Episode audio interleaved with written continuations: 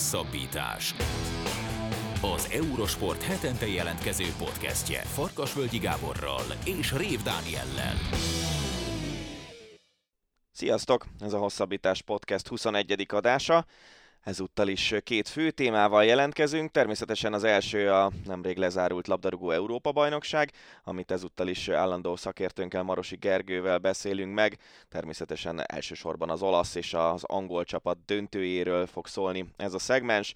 Aztán jön a kommentátor mustán következő része, német Gergelyel atlétika, tenisz és golf kommentátorunkkal, akit arról fogunk kérdezni, hogy milyen volt neki egy igazi atléta családban felnőni, és hogy mennyire bánja azt, hogy nem sokkal ugyan, de lemaradt az olimpiáról 2008-ban.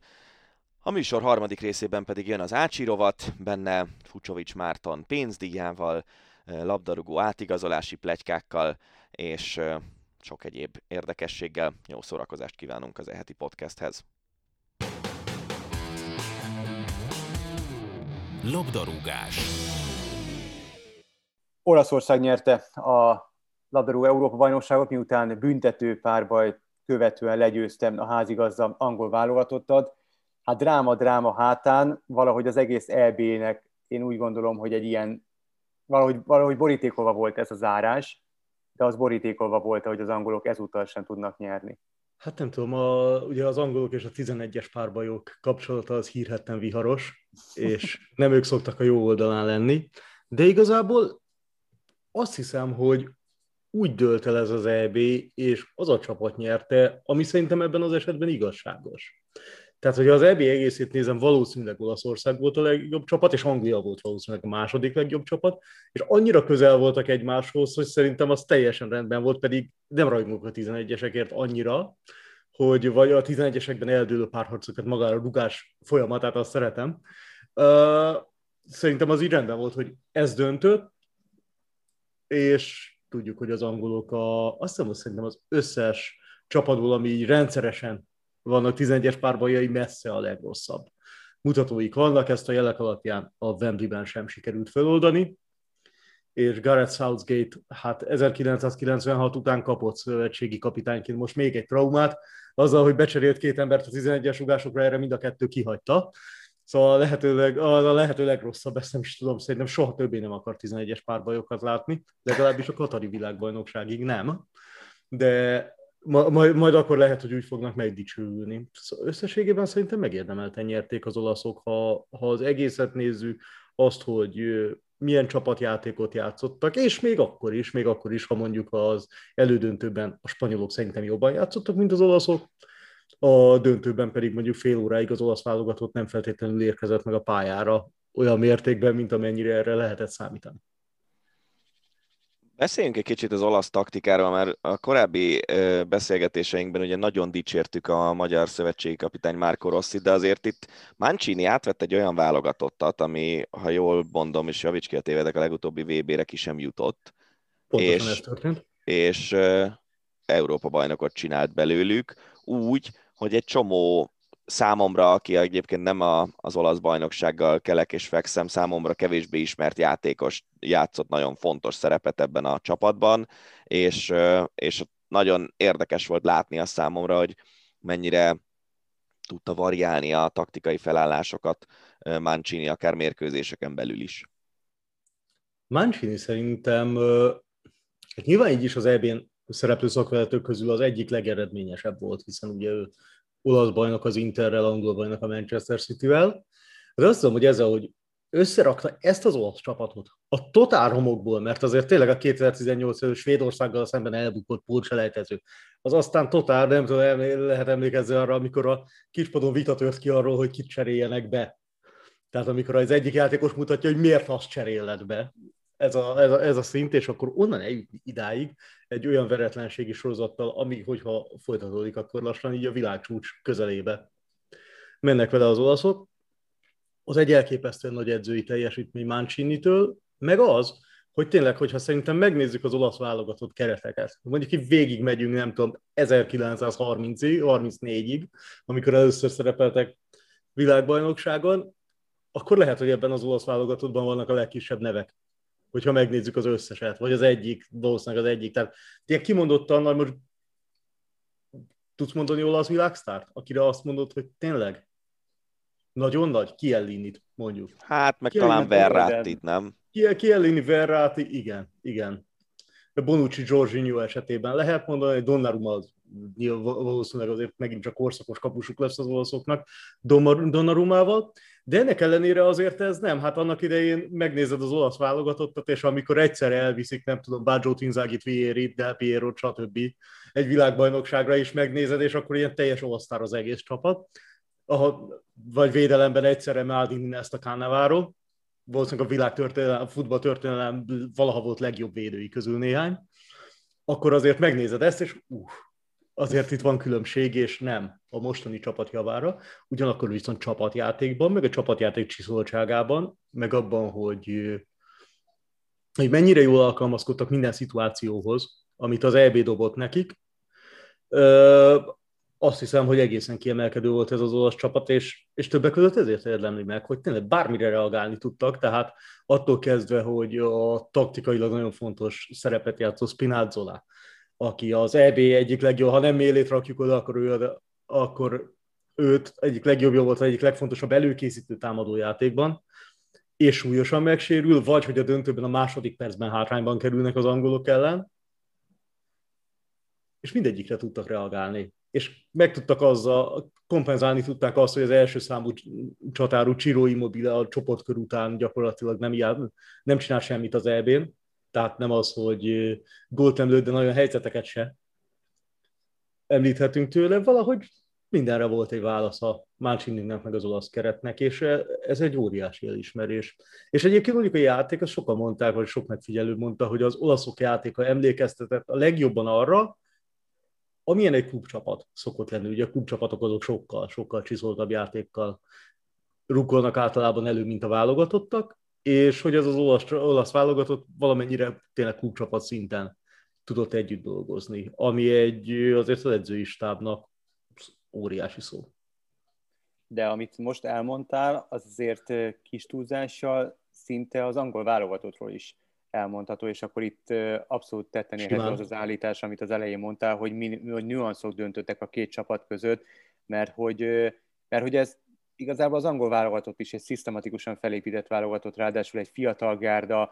Oké, okay, ott, ott több, ha összehasonlítjuk szigorúan az olaszokkal, akkor, akkor talán több a világsztár gyanús játékos. Hát nem mélyebb az a keret. Meg sokkal mélyebb a keret, és igazából, ha már ezt mondjuk, te nem gondolod azt, hogy Gareth Southgate egy picit biztonsági játékra törekedett, és nem mert kockáztatni, tehát egy Rashford, egy Sancho, egy Grealish, ezek mind-mind a padról szálltak be, és sokkal izgalmasabb lehet, hogy, hogy, hogy támadhatóbb csapat is lett volna ezáltal, de hogy ilyen, ilyen nagyszerű játékosokat jegelni, és csak epizód, vagy még annál is kevesebb, kisebb szerepet adni nekik, nem gondolod, hogy vétek volt?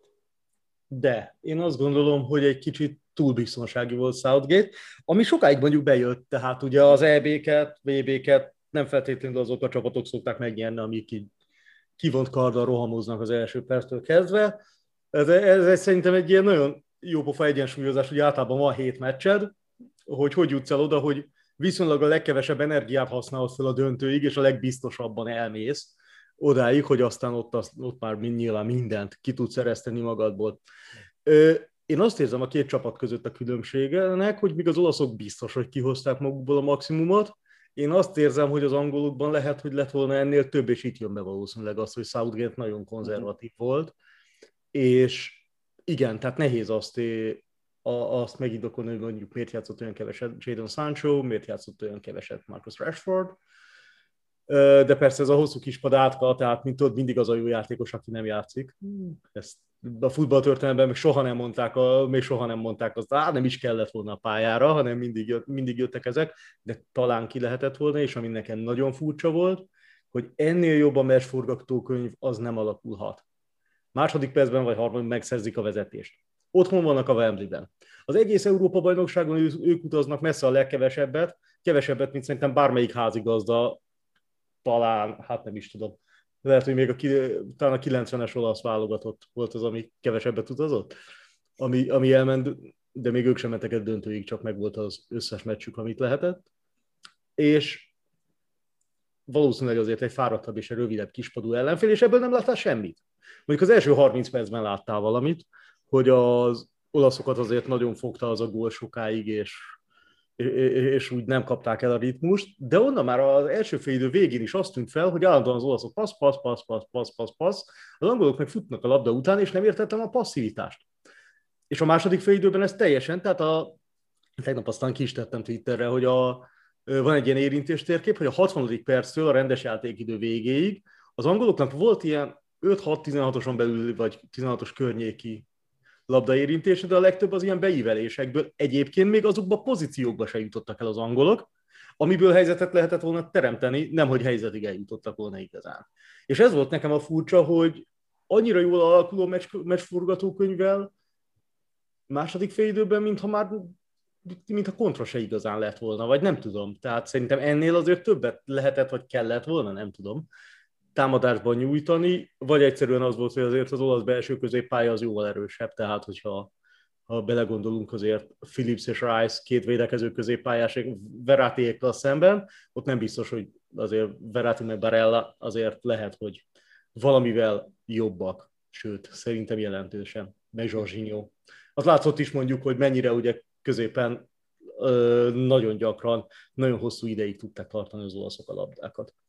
Hogy ebből nem lett sok helyzet, az megint más kérdés, de ott mindenképpen megérdemelték, hogy kiegyenlítsenek, és az egyenlítés után szerintem meg inkább az olaszoknak állt valamennyire. Uh-huh. Így, így a játék összképe alapján. De érdekes, hogy most így belegondolunk, tulajdonképpen nagy kihagyott helyzet nem is nagyon volt. Ki ez a lövése, ami, ami lövése. meglepte volna igazából szerintem. Igen, ki ez a lövés, ami elment, meg volt még egy ki ez, aminél óriásit védett Pickford, Igen. de ilyen, tehát ilyen, tudod, ez a tipikus drámai a döntőben kihagyott zicser, Igen. ilyen nem is volt. Ilyen nem is volt, az a kettő, ami volt, ott berúgták a csapatok. Szóval nem tudom, ez igen, érzek egy ilyen túlzott konzervativizmus, de hát azért Southgate is még úgymond, hát nem annyira rutinos. Persze. Felnőtt futballban. Nyilván tanul, lehet, hogy ebből is tanul, lehet, hogy pont ebből tanulja meg a VB-re, hogy, hogy oké, okay, kell a biztonság, de elképzelhető, hogy ennél viszont több kockázatvállalás kell kulcsszituációkban. Én azt nem értettem, nem értettem a kettős cserét az utolsó pillanatban, ami egyébként sem szokott bejönni, tehát a statisztikailag sem szokott bejönni. Uh, meg belegondolok arra abba, hogy gyakorlatilag Rashford meg Sancho beállt 11-es rúgni, úgyhogy végig jegelték őket szinte az egész torna alatt. Nem elég, Ez... hogy hideg vagy, meg nincs a ritmusban, de még azt is érzed, hogy az egész tornán, hát nem feltétlenül élvezed az edzői bizalmat, vagy nem tudom, nyilván ezt meg lehet magyarázni a játékosoknak, de a játékos nem érzi jól magát attól, hogy a kispadon eres csendesként gyökeret, és, és, és azért ilyen látványos módon ritkán látjuk, hogy ez visszaüt. Egyébként... Pont ezt mondtam a, az adás előtt Fogának, hogy akkor, akkor már behozom őket kicsit előbb, nem? Majd legalább Leg... a pulzusuk fölmenjen, legalább, legyen igen. három labdaérintés. Igen, legalább ö, valamennyire jöjjenek játékban. Nyilván így is a ráadás miatt kaptak egy ilyen három-négy percet talán. Na mindegy, Na jó, de, de, hát de, de az nem elég semmire. Tehát akkor már inkább hozd a 110-ben, vagy a 105-ben, vagy valami. Az más kérdés, hogy ugye mit csinált, nem is két Volkert hozta le, és még szerintem Meg egy a csere cseréje volt, tudod, Henderson. A csere cseréjét, Henderson. Igen. Henderson. Tehát egy védekező középpályás, középső középpályást és egy védőt hozott le, tehát egyből felborította ezzel a csapat. Ez csak, ez csak így lehetett, hogy a 120-ban küldött be, mert különben meg tökre az egész csapat. Jobb hátvédet játszott. Igen, az, az lett volna vicces, hogy az olaszoknak ugye közvetlenül után volt egy szöglet, amit el is csúsztattak az angolok elől, hogy az vicces lett volna, hogy lecserél két védekező embert, és kapárból kapnak egy gólt szögletből. Ez nem jött be, de kihagyta mind a kettő. Egyébként pont erről írok a pont erről írok cikket, vagy illetve írtam, mert befejeztem a Sport 24-en, hogy ez nem jön be. Tehát ez válogatott futballban borzalmas a százalékos értékesítési minta, akkor, hogyha egy játékos becserélnek csak a 11-es párbajba, a legutóbbi öt ilyet kihagyták. Összesen hét ilyen volt, ötöt kihagytak, melyik az a csapat, amelyik mind a kettőt belőtte? Nyilván a németek mert hogy a, né- a németek tudják, de egyébként, és, és ha még beleszámolunk nemzetközi kupákat, akkor is ilyen majdnem 20%-os esés az átlagos értékesítési ráta közül, rátához képest az oké, okay, akiket így beküldenek a 116.-117. perc után. Tehát e, e, ezek alapján semmi nem mondja azt, hogy cserélt be a 11-es rugódat a végén, mert ezek szerint hidegen nem érdemes rúgni. Jó, hogy kicsi a minta, de valószínűleg akkor sem. Az általam nagyon nagyra becsült sportévés kommentátor Haraszti Ádi rakott ki a Twitterre egy, egy hírt, illetve egy, egy érdekességet, hogy a southgate ezt az egész büntető rugás procedúráját nagyon komolyan vették, és hát szinte tudományosan próbálták megközelíteni, rengeteg gyak, rengeteget gyakoroltatták a játékosokkal, és ebből kiindulva úgy gondolom, hogy, hogy nyilván mindennek volt, egy, volt igazából egy, egy, egy tehát ez egy, ez egy gondolatmenet volt, ez egy felépített taktika volt, hogy mindenki tudta, hogy miért, mikor, mire cserélik be. Tehát szerintem a két fiatal nagyon jól tudta, hogy őket be fogják cserélni azért, hogy büntetőt rúgjanak. Southgate, én gondolom lehet, hogy benne van az is, hogy ő 96-ban a sorsdöntőt kihagyta a németek ellen. Úgy volt, hogy például Henderson, aki, aki kihagyta a büntetőt, azt hiszem a VB-n, ő ne rúgjon, és, és azok rúgják, akik a, a gyakorlások, a korábbi mérkőzések, a klubcsapatuk, illetve az edzőtábor során megbízhatóan rúgták a büntetőket, ezért jött a két fiatal. Abszolút egyetértek abban a Danival is, meg veled is, hogy korábban kellett volna őket beállítani, mert így legalább két labdaérintéssel több lett volna bennük, és lehet, hogy megszokják az atmoszférát, hogy közel 70 ezer néző előtt hazai pályán, hazai ebén, amikor mindenki várja tőlük a kötelezőt, akkor meg tudják csinálni a kötelezőt, amit általában komoly százalékban meg is csinálnak most nem sikerült. Tehát, hogy ez egy ilyen nagyon összetett kérdés szerintem, és utána nagyon érdekes volt olvasgatni a Twitteren a különböző mérsékelt vagy kevésbé mérsékelt beírásokat. Volt itt Klavia Huszár, Klaviátor Huszártól kezdve mindenki, aki, aki megmondta a tutit, vérmérséklettől függően, de érdekes volt olvasni a, a hozzászólásokat és a véleményeket.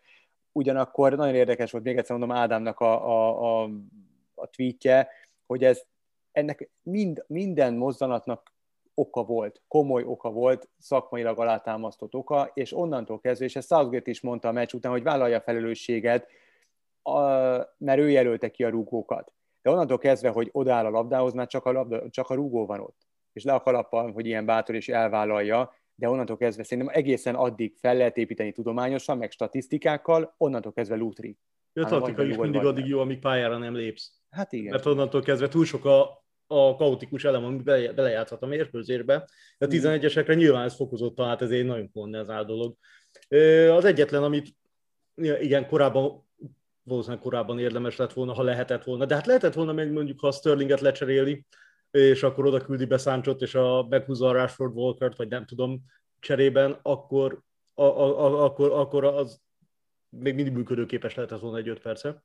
Nekem az volt az érdekes, hogy Bukayo Saka ment, a, Saka ment a végén. Azt nem értettem. Azt nem értettem 19 évesen, utolsó 11-es EB döntőben, bármennyire is magabiztosan értékesíti, az logikusabb lett volna, ha mondjuk Rashford az ötödik, de hát olyan nehéz, ezt, hajlamos az ember túl gondolkodni, és akkor ott van Zsorzsinyó, aki a világ elismerten egyik legjobb 11-es ugója, oda megy ötödiknek és kihagyja, pedig Zsorzsinyó rutinos is, tényleg halálosan higgadt, az valószínűleg, hogyha a világ összes 11-es rugójából kell választanom, akkor az első háromban lenne Zsorzsinyó, hogy oda küldöm, és, és ő is elrontotta, tehát ezek után szerintem nem lehet szakára küldeni, az meg nyilván egészen visszataszító, hogy akkor utána másnap reggelre az angol szövetségnek meg e, hivatalosan kell kommentálnia gyakorlatilag azt, hogy rasszista támadások érik mindhárom játékos, tehát miért addig jó volt, amíg akkor jó lett volna, ha berúgta volna, vagy mi? Tehát nem is értem. Azt azért látom játékos... magam előtt, hogy a Sun címlapján ott szegény gyerekbe beleszállnak páros lábbal. Nem, de nem lehet könnyű ezt így megemészteni, Á, főleg ilyenkor. És főleg egyébként ilyenkor a közösségi média az még rátehet egy pluszba. Mert most tényleg a pont a múltkor beszélgettünk arról, hogy a játékos olvargatja magára, hát Hát ha most olvasod, nyilván kikapcsolnék mindent, és nem jönnék vissza néhány napig de ettől függetlenül az örökkön velük marad. Most az angolok szerintem ettől függően, függetlenül nagyon büszkék lehetnek arra, hogy elmentek idáig.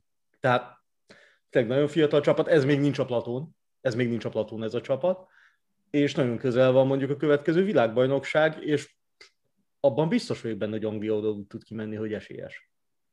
És, és nem azért, mert fölhájpolják magukat szokás szerint, hanem mert tényleg esélyes.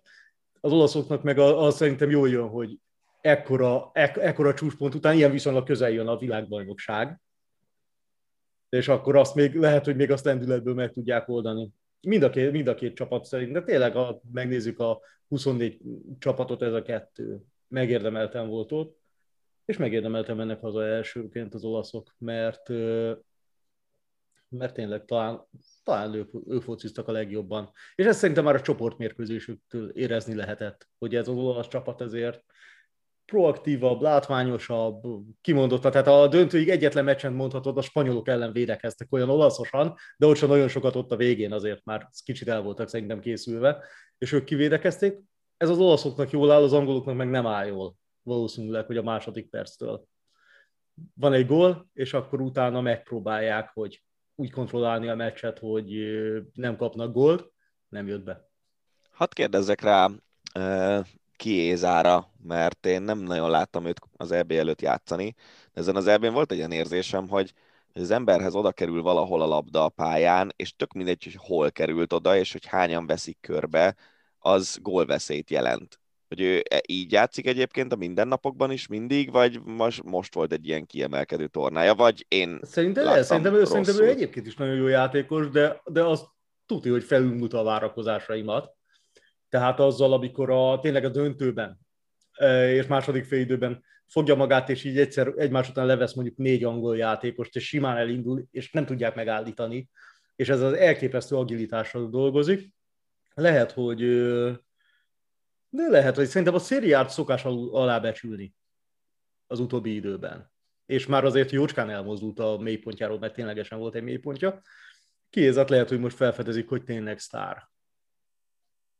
Még ha, mert hogy ne, biztos, hogyha az olasz csapat legnagyobb neveit mondjuk, akkor nem ő lett volna elő, viszont az is biztos, hogy az egyik kulcsfigurája volt ennek az EB győzelemnek. És a döntőben nagyon megérdemelt volna szerintem egy gold, de, de, de, az, de az nem jött össze neki. Marosi Gergelynek nagyon szépen köszönjük, Köszönöm hogy ezúttal is elfogadta a meghívásunkat. Olimpia Az olimpián az Eurosport képernyőjén szerepet kapó kommentátorokat mutatjuk be egy picit közelebbről a hallgatók számára, és mai vendégünk Német Gergely, aki igazából azon beszél, arról beszélgetünk Danival, hogy a stábból egyértelműen neked van a Horváth, Mariant, Horváth Marianon kívül a legkomolyabb sportpályafutásod. Ugye te atletizáltál, sprinter voltál, és milyen, milyen eredményeket értél el a sportágatban? Mire vagy a legbüszkébb? Hát először is sziasztok! Másodszor mire vagyok a legbüszkébb? Ne, nem tudom, megmondom őszintén van, van egy csomó minden, ami, ami úgy bennem maradt, úgy érzem. Igazság szerint én sose foglalkoztam az elért eredményekkel, mert mindig előre néz az ember. Tehát Egyébként volt egy-két atlétatársam, aki, aki megértette azt a gondolatot, amikor mondjuk először felnőtt magyar bajnok lettem, aztán hazamentem az albérletbe, leültem, magamra csuktam az ajtót, aztán olyan ürességet éreztem, hogy, hogy nem is igazán értettem, hogy mondom, ezért dolgoztam. Tehát én leginkább a, a folyamatot szerettem mindig, a munkát, azt, hogy lépegettünk előre, mindig jó sport az atlétika olyan szempontból, mindig vannak kis, kis, kis mikrocélok, és, és azokat elérni, ha eredményekbe gondolkozunk, ugye nagyon sok-sok évig voltam válogatott a felnőtteknél, voltam még juniorkorban világbajnokságon, ott döntőt futottunk például a srácokkal annó még 2000-be, Csillében, ott megdöntöttünk egy majd 20 éves, vagy lehet, hogy 20 éves országos csúcsot is. Ezek, ezek nagyon szép emlékek. Voltam 23-as EB-n, döntőben, mm, ami szerintem szintén egy, egy, egy jó eredmény. Amit nagyon sajnálok, hogy, hogy 2006-ban eh, mentünk Göteborgba, egyéni százat futottam egy eh, számomra elég ismert eh, sprinter társammal, német Rolandal, és tehát mi ketten futottuk például az egyéni százat, az is úgy gondolom, hogy egy, egy, egy jó pofa emlék. Ott, ott sajnálom, hogy nem jött össze a váltó, ilyen-olyan okok miatt, mert, mert ott elég erősek lehettünk volna de sajnos ott volt egy eltiltás, és éppen ezért végül nem, nem, nem utazott a magyar csapat. De, de figyelj, magyar bajnoki cím az szép, Kaptam egy olyan életpályát amerikai ösztöndíj segítségével, ami, amit valószínűleg, hogyha nem sportolok, sosem tudtak volna családilag megoldani, hogy én Amerikában menjek egyetemre. Én nagyon sokat kaptam a sporttól, azt, hogy most mire vagyok a legbüszkébb, erre nem igazán tudok válaszolni. Az olimpiával kapcsolatban az olimpiai részvétel, az, az nem jött neked össze, de azért atlétikában ez, ez nagyon komoly, hát nagyon, nagyon magasan van a léc, és nagyon, ne, nagyon nehéz kijutni Magyarországról sprinternek. A, mennyire voltál közel az olimpiai részvételhez? Most egy kicsit olyan fura ez a kérdés, mert, mert én emlékszem már, akkor együtt dolgoztunk, és te a munka mellett dolgoztál, és, és edzettél, és, és próbáltál kijutni az olimpiára, és elképesztő, hogy nagyon sokszor láttam az edzéseiteket, és elképesztő, mi munkát végeztetek el, de szerintem nem tudom, laikus szemben nem lehet tudni, hogy mennyire volt közel, mennyire volt távol. Te, hogyha így visszanézel, és tudom, hogy nem szeret visszanézni, de mégis mit gondolsz, mennyire voltál közel az olimpiai részvételhez? Az baj, nem látják a, rádi, a rádiós hallgatók, nem? Tehát ennyire voltam közel. Uh, figyelj, hát kör, körülbelül, körülbelül. Nem, ott, ott 2008-ban volt a legjobb esélyem arra, hogy kiussak az olimpiára, akkor én voltam itthon a, a leggyorsabb, és 10-28 volt a kiküldetési szint. Uh, én 10-38-at futottam abban az évben, hóban, esőben, sárban, valahogy nem jött össze az, hogy megfújjon hátul a szél. Még, még jöttetek is ki a versenyre, arra emlékszem, pont a, az Újpest pályán futottam 41-et, talán kettes pofa szélbe, tehát hogyha persze siránkozásnak hallatszik sokszor, de, de hogyha ott mondjuk megfúj egy hátszél, akkor azért, az elég reális esély lett volna arra, hogy, hogy 10-30-on belül fussak, és talán összejött volna a szint is. Ez, ez, ez, tény, tény, ez nagy fájdalom, hogy nem, nem voltam olimpikon, majd most kommentátorként próbálom pótolni az élményeket. Kommentátorként viszont azért ez nem az első olimpiád lesz. Hogy jött neked az, hogy kommentátor szeretnél lenni, amikor még tényleg aktív sportoló voltál, és egyáltalán nem volt biztos, hogy, hogy néhány éven belül akár abba fogod hagyni a, a sportolást? Ez egy érdekes sztori, nem tudom, ezt ismeritek-e. Én, én ugye lediplomáztam az Egyesült Államokban, és maradt még ösztöndíjam, mert gyorsabban tanultam az átlagnál, mondhatjuk így is, bár az is sokat segített, hogy mondjuk a, a magyar nyelvet ott, mint idegen nyelv beváltottam 12 kreditért, tehát ezért voltak, voltak, tehát voltak megoldások. magyar. a lehetőségek országa, tudod. De a lényeg az, hogy, hogy korábban befejeztem, és volt még ösztöndíjam, és akkor beszéltük apámmal, hogy akkor mi legyen. Visszamegyek Amerikába, és megpróbáljuk felfogni, mint egy edzőtábort, csak igazság szerint ott az ottani edző értelemszerűen, mivel ő adta az ösztöndíjat, ő adta a pénzt, ezért ő mondta meg, hogy pontosan mit edzek. Az nem feltétlenül volt számomra fehér sprinterként egy, egy olyan edzésmunka, amiből gyorsan tudtam volna futni. Viszont itthon meg nem volt meg az anyagi lehetőségem arra, hogy, hogy csak és kizárólag ezzel foglalkozzak. Visszamentem még szeptemberbe, de három hét alatt rájöttem, hogy ez egy rossz döntés volt, és akkor felhívtam apámat, mondom, figyelj, mondom, ez így, ez így nem fog menni, szeretnék gyorsan futni, itt, itt ez nem fog összejönni.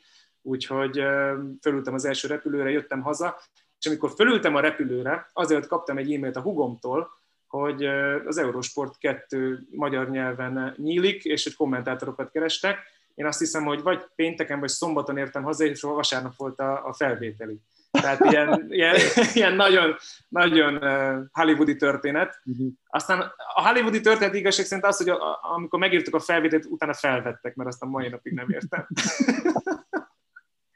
És így, lett, így lettem. Az első olimpia? Ami már közvetítettél. Tehát 2008, nem? 2008. Uh-huh. Szerintem 2004 ugye nem? Igen, 2008 Peking. És könnyű volt az átmenet? Milyen, milyen volt aktív sportolóként kommentálni kvázi az ellenfeleidet, és úgy átadni ezt az egészet, hogy, hogy a laikus is megértse, és ne, ne feltétlenül tűnjön szakmázásként a, a, a leközvetített, nem tudom, 100 méter, 200 méter, bármi, amit, amit kommentáltál.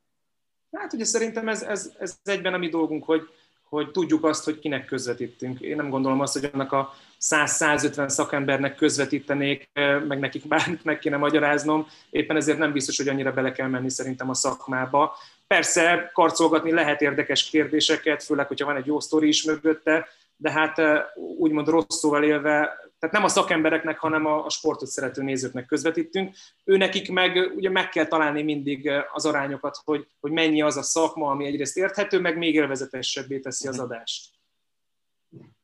Arany középút szerintem mindig. Az atlétika közvetítését élvezed a legjobban? Mert azért nagyon sok olyan sportág van, amit közvetítettél, vagy közvetítesz most. Ugye aktuálisan a tenisz és a síugrás az a kettő, ami fut párhuzamosan az atlétikával. Na, Na meg, a, golf. hát pontosan. Ja, jó, azt, azt akkor lehet, hogy az egész kérdés rossz, mert azt tudom, hogy a golfot azt imádod, de, de hogyha sorrendet kéne felállítani, melyiket szereted a legjobban közvetíteni, és, és az atlétikában mi az, ami nehézséget jelent, azon kívül, hogy iszonyatos meló felkészülni, mert nagyon sok versenyszám van, nagyon sok versenyzővel, mitől nehéz vagy könnyű egy atlétika közvetítés? Hát egyrészt ugye érintetted, válaszolok az elsőre. Olyan szerencsés embernek tudhatom magam, hogy bármit elkezdek közvetíteni, valamiért megszeretem. Tehát, hogy tényleg kevés olyan, olyan sport van, amire azt mondtam, hogy hát ez jó unalmas volt. Persze még egy atlétik is lehet jó unalmas, még egy golf is lehet jó unalmas, meg egy teniszmérkőzés is, de én hajlamos vagyok megszeretni azt, amit csinálok. Így vagy a bendivel is? A Bendi, a Bendi például az egy, az egy örök, örök tüske bennem, hogy nem folytatódott a, a, a közvetítés sorozat. Csak azok kedvére, akik nem ismerik a Bendi gyorsan, a, úgy képzeljük Tehát például el a, én. Úgy képzeljük el a játékot, hogy focipályán jégkorong labdával nagyjából így lehet leírni. Igen, egy, egy elég periféria sport egyelőre. Szóval hát az atletika az nagy szerelem, de, de ez olyan szempontból furcsa, hogy, hogy most sajnos úgy alakult az élet, hogy ezt közvetítettük a legkevesebbet. Tehát eh, azért, hogyha mondjuk visszaemlékszünk, a, én utoljára ugye a londoni olimpián csináltam atlétikát jóformán, utána volt egy-két univerziád, de hogyha mondjuk nagy, nagy versenyről beszélünk, londoni olimpia után EB, de aztán Riót már ugye nem adtuk, azóta pedig várakozunk, hogy, hogy Tokióban meginduljanak a játékok.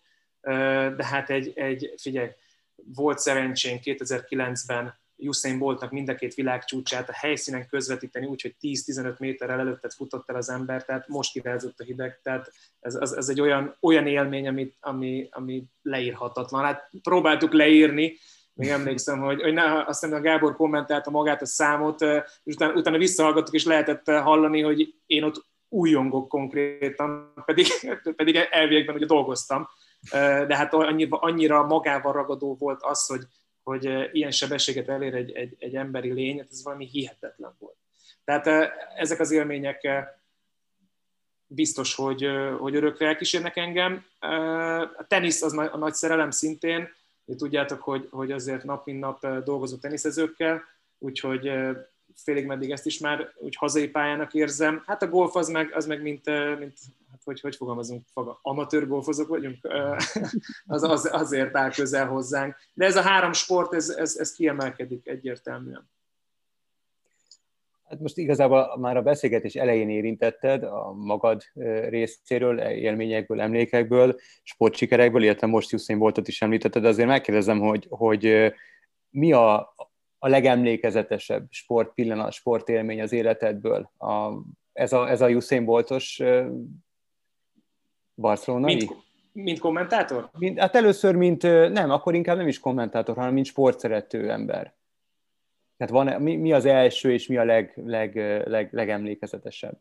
Hát talán, talán ez a berlini futás, mert, mert o, o, igen, igen, ott voltam a helyszínen, és, és tényleg, tényleg 10 méterre volt. Tehát 10 méterre ültünk, nagyon-nagyon jó helyen kaptunk kommentátorállást, és az, az, az, az annyira megélte az ember, hogy, hogy ilyen élmény hú, remélem lesz még az életben, mert, mert hosszú-hosszú éveken keresztül motiválja az embert, hogy itt bizony ez az a szakma, amit csinálni akarok, ott akarok lenni ezeknél az eseményeknél. A helyszínen, ha, ha, ha egy kétszer-kettes stúdióban, nekem mindegy olyan szempontból persze szívesebben megy helyszín az ember, de, de amikor egy ilyet átélsz, akkor, akkor nagyon jól tudod, hogy amit te végzel, az, az, az nem egy munka, az egy, az, egy, az egy iszonyú szerencsés dolog, hogy, hogy sportról beszélhetünk, ilyen, ilyen ilyen legendákat nézhetünk. Most gondolj bele a teniszbe, hogy, hogy, hogy milyen embereket nézünk nap, mint nap. Federer, Djokovic, Nadal, beálltak egára 20 eh, major, vagy major Grand Slam, Grand Slam tornával.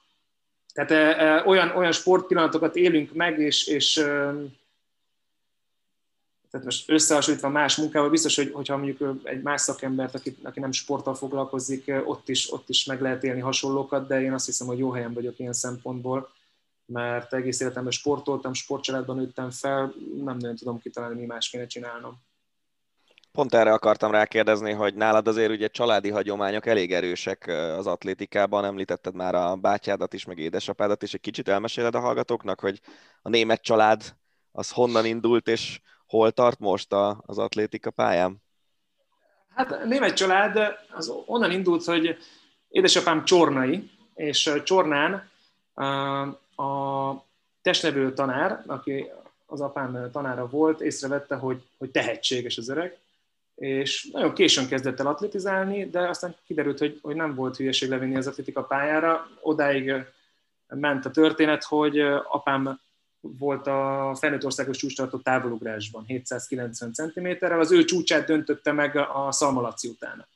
Tehát ugye apu, apu az csúcstartó volt. Aztán jött a Roli, ugye az első szülött a családban, ő, ő a mai napig tartja a 100 méteres országos csúcsot. A nővérem... Mennyivel? Mi, mi a rekord? 10.08. 10.08. Hát a 10.08 azzal szerintem az olimpián most elődöntött le, lehet majd futni. El, el tudom képzelni, hogy, hogy úgy jön ki a lépés. Aztán ugye van a nővérem, aki, aki sokszoros országos bajnok és többszörös országos csúcstartó utánpótlás országos címekről beszélünk, ő nem jutott el felnőtt atlétikáig sérülés miatt.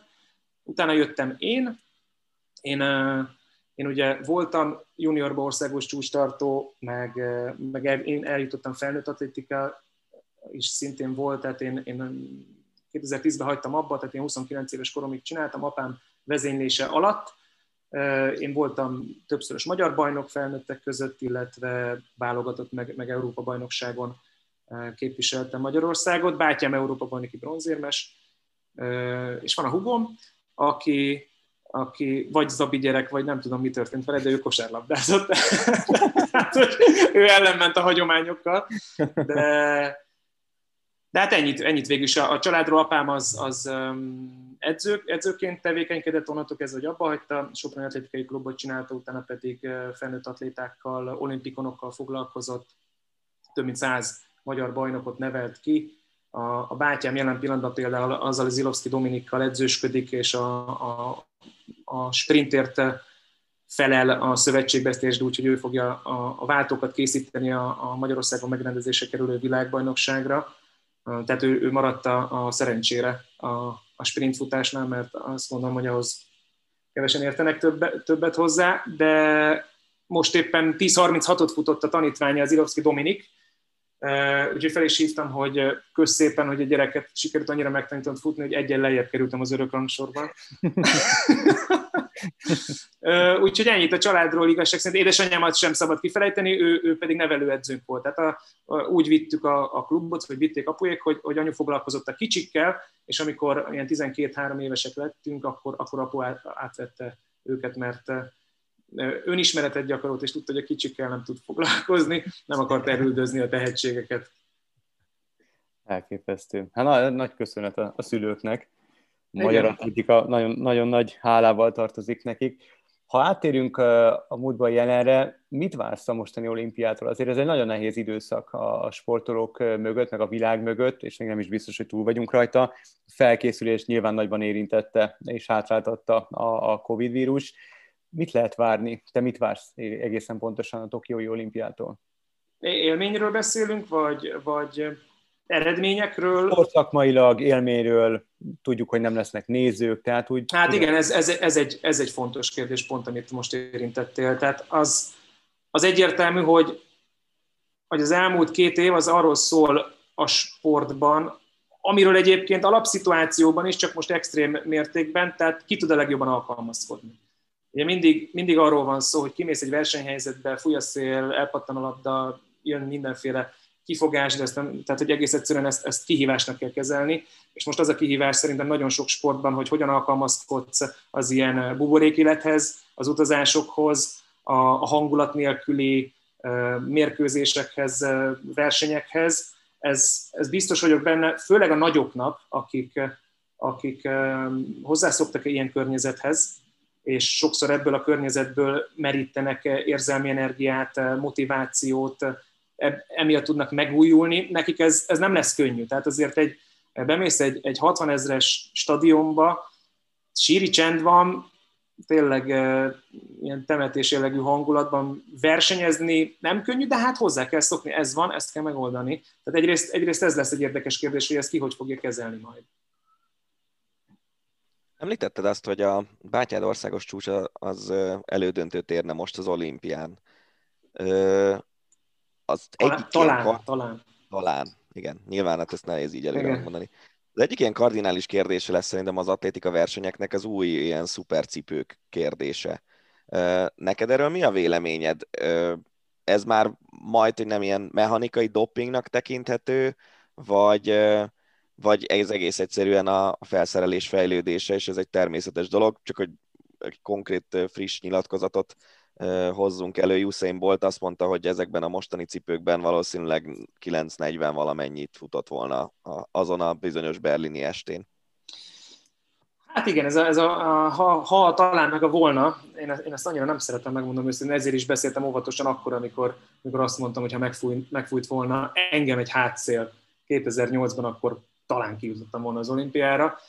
Ez, ez, ez egy vélemény, tehát igazság szerint én mindig úgy vagyok ezzel, hogy, hogy van egy van egy, egy szövetség, egy, egy bizottság, aki, aki karban tartja a, a szabályokat, ezt neki kell eldönteni. Én, én nem értek ehhez, megmondom őszintén. Nem volt rajtam ilyen cipő még, mert igazság szerint mindegy, hogy hány tizedet kések a stúdióból majd, tehát nagyon, nagyon más elvárás nincs.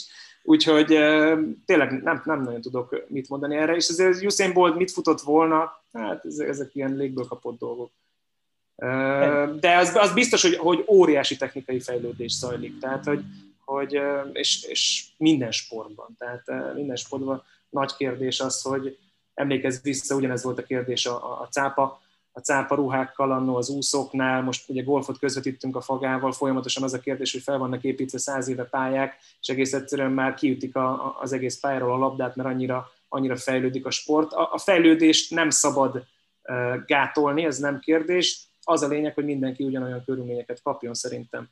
Tehát nem tudod, nem tudod megakadályozni. Annó, annó ki voltak akadva, amikor az NBA-be elkezdtek zsákolgatni, hát most meg már megfelelően fejlődött a játék. Tehát, hogy uh, én személy szerint nem bánok majd 940-es futásokat nézni.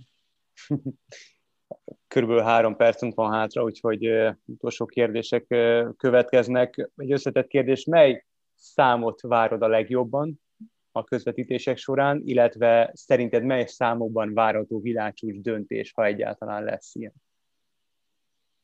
Hát szerintem most, most nagyon erős az atlétika, tehát azért itt ebben az esztendőben voltak világcsúcsok, kiemelkedő eredményeket lehet várni szerintem férfi súlylökésben, úgy gondolom, hogy a hosszú, hosszú hát a, a hosszú táv futó számokban nagy kérdés, hogy milyen időjárás lesz majd Tokióban, mert azért ott könnyen elképzelhető, akár egy nagyobb hőség is szerintem, javítsatok ki a tévedek, Igaz. magas, pár, magas páratartalom is. Éppen ezért ott, ott lehet, hogy óvatosabban kell kezelni az ilyen eredményeket, de hát női 400 gát például, ott is, ott is voltak kiemelkedő eredmények, nagyon izgalmas lesz. Tényleg nagyon erős most az atlétikát. A, a Gyulai Memoriálon olyan elképesztő eredmények születtek, tényleg öröm volt nézni.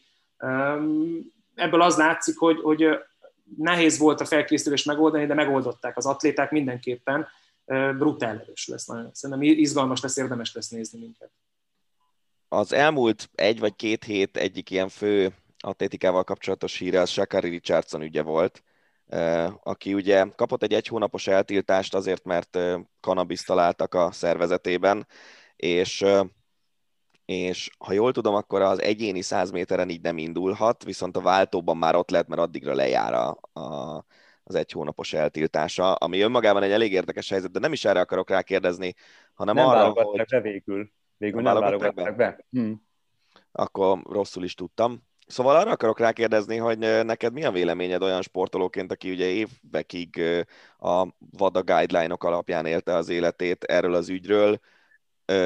Van értelme annak, hogy fogyasztás miatt eltiltunk atlétákat, vagy pedig a szabályoknak most már haladni kéne a korral, hogy, hogy igenis a könnyű drogok azok világ egyre több helyén teljesen mindennapjai az emberek életének, és sportolói fejjel leginkább hogy állsz ez a kérdéshez, mert én emlékszem, egyszer beszélgettünk arról, hogy, hogy kávét se ihatsz annyit, amennyit akarsz sprinterként.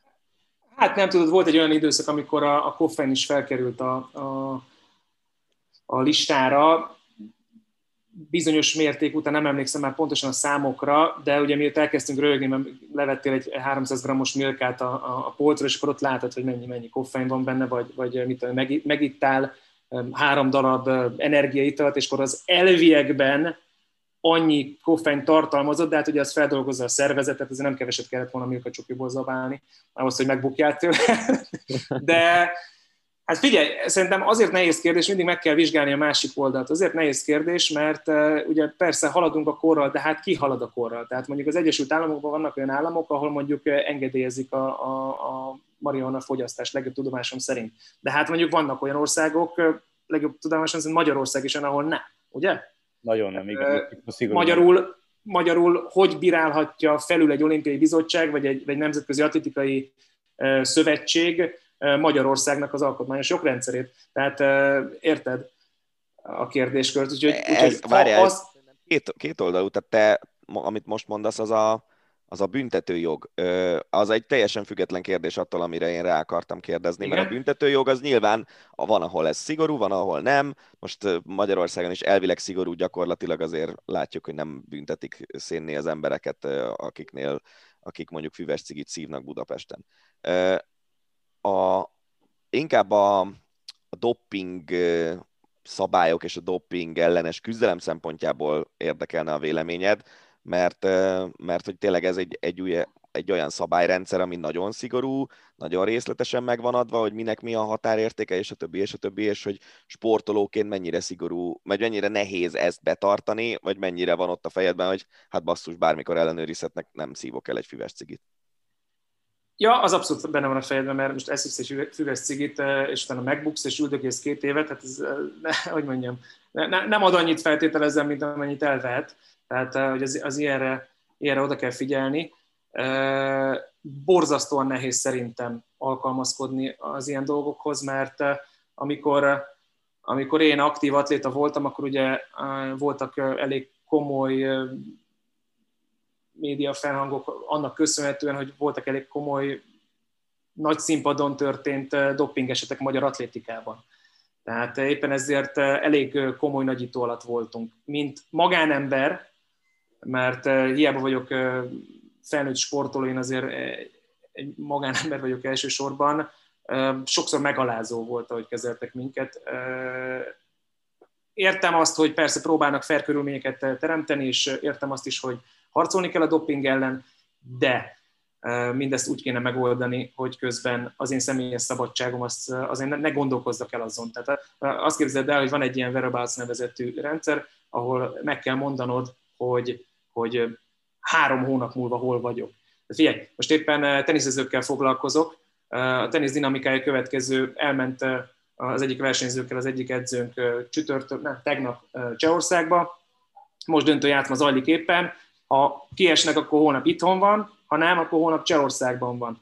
Na most atlétaként ugyanilyen egy felkészülés, hogy, hogy melyik, várod, hogy melyik versenyre kapsz meghívásod, elutazol, állandóan papírmunkázni, ráadásul, hogyha nem vagy ott, amit beírtál mondjuk három hónappal ezelőtt, és pont akkor meglepetésszerűen rajta ütnek, és akkor ott kimennek, amit tudom én, a, beírom, hogy a nagymamán leszek majd halottak napján, és akkor nem vagyok ott, és akkor kapok egy ennyi ennyit. Tehát szerintem nem fer a rendszer, de és, és mindig elfelejtik egyébként, hogy, hogy a sportolókból élünk. Mi most is a sportolókból élünk, mi hárman egyébként.